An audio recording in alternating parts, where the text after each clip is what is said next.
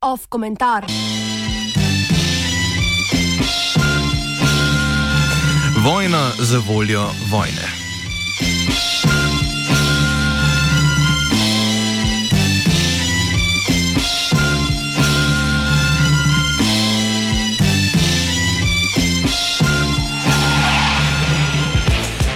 Mnenju premijeja Jana Zajanše z naslovom Vojna z mediji, med drugim objavljenem kar na uradni spletni strani vlade, je bilo v zadnjih dneh prelitega veliko črnila.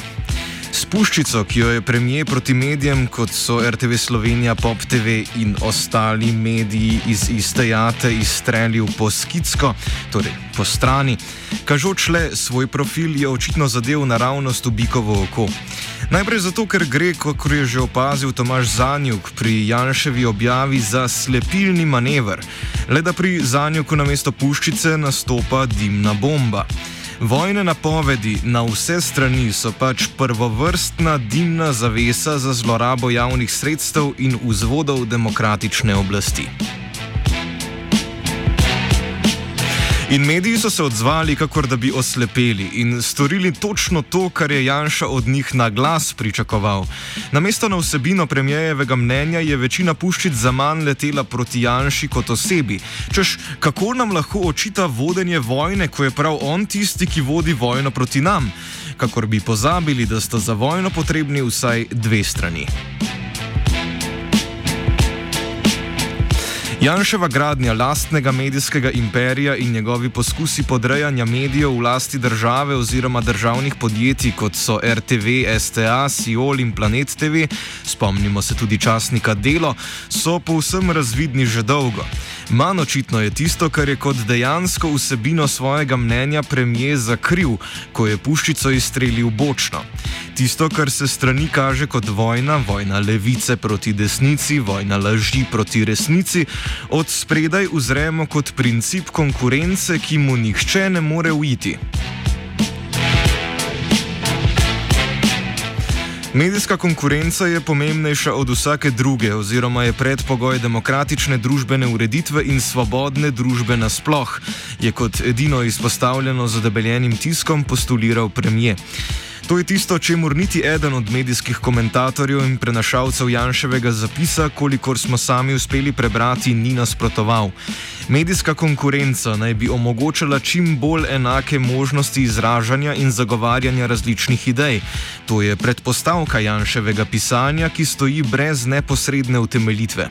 Na drugem mestu pa beremo, da sta sorodno zdravilo oziroma sodobnost zdravilo za medijske monopole, konkurenca v medijskem prostoru in svoboden internet.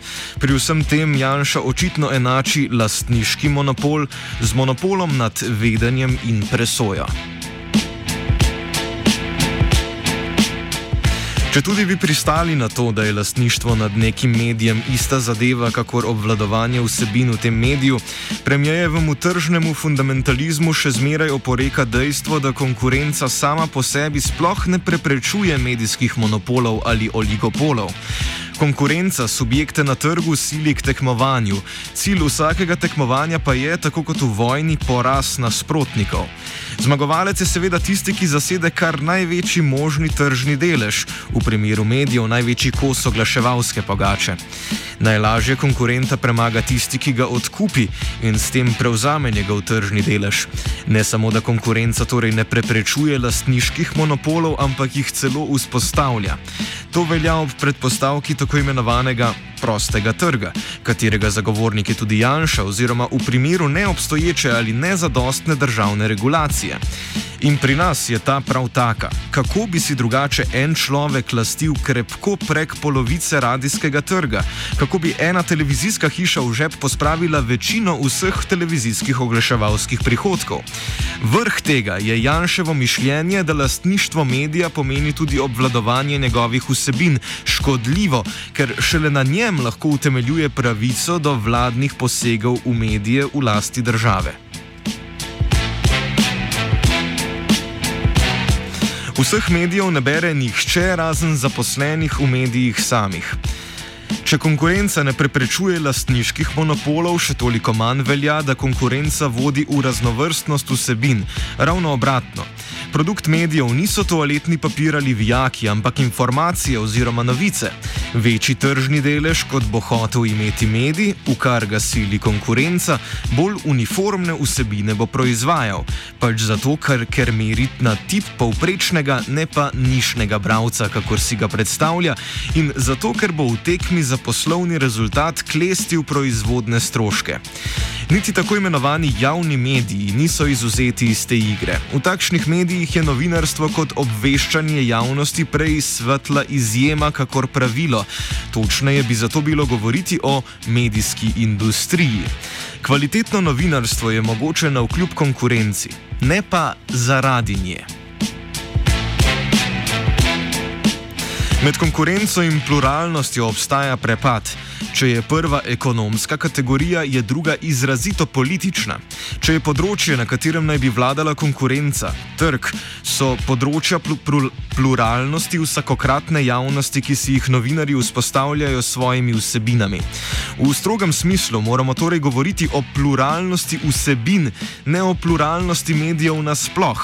Pogoj za pluralnost vsebin ni konkurenca, ampak avtonomija uredništev.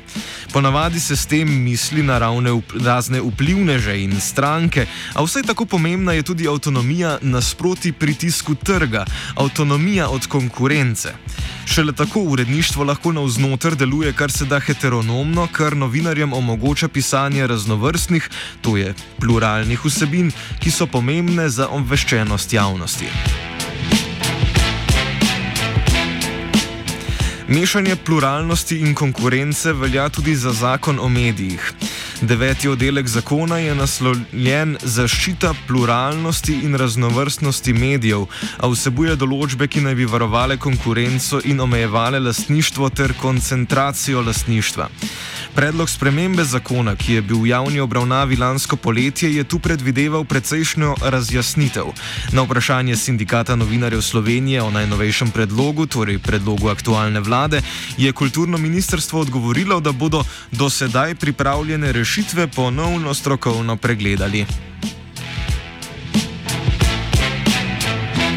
Prepričanje, da konkurenca na medijskem področju predstavlja rešitev, ne pa težavo, še več, da je predpogoj demokracije, kot vidimo, ni zgolj napačno, ampak tudi nevarno za novinarstvo.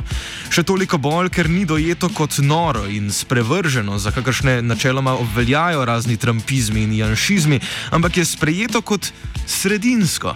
Z njim se očitno, če gre soditi po odzivu na Janševo mnenje, če ne na glas, pa vsaj potihem strinjajo tudi mediji mediji sami. Konkurenco nam lahko prodajo za rešitev samo, ko si predstavljamo posamezen medij kot monoliten organizem, ki odraža stališča svojega lastnika. Pogosto se zdi, da empirija tako, tako sliko potrjuje, ko uredniki na mesto branikov novinarjev pred lastniki postajajo njihove podaljšane roke.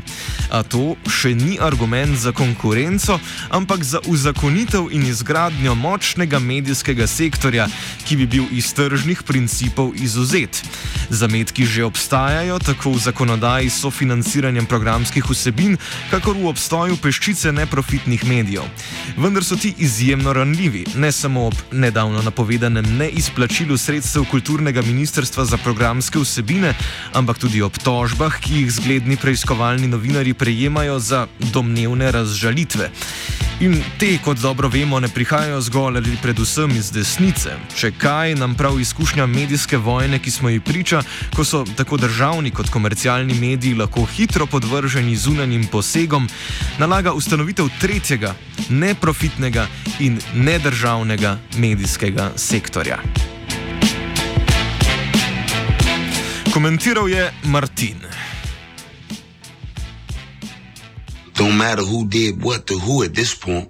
Fact is, we went to war, and now there ain't no going back. I mean, shit, it's what war is, you know? Once you in it, you in it. If it's a lie, then we fight on that lie. But we gotta fight. Če ne bi bilo Janeza Janše, bi bil veliko več lega kock.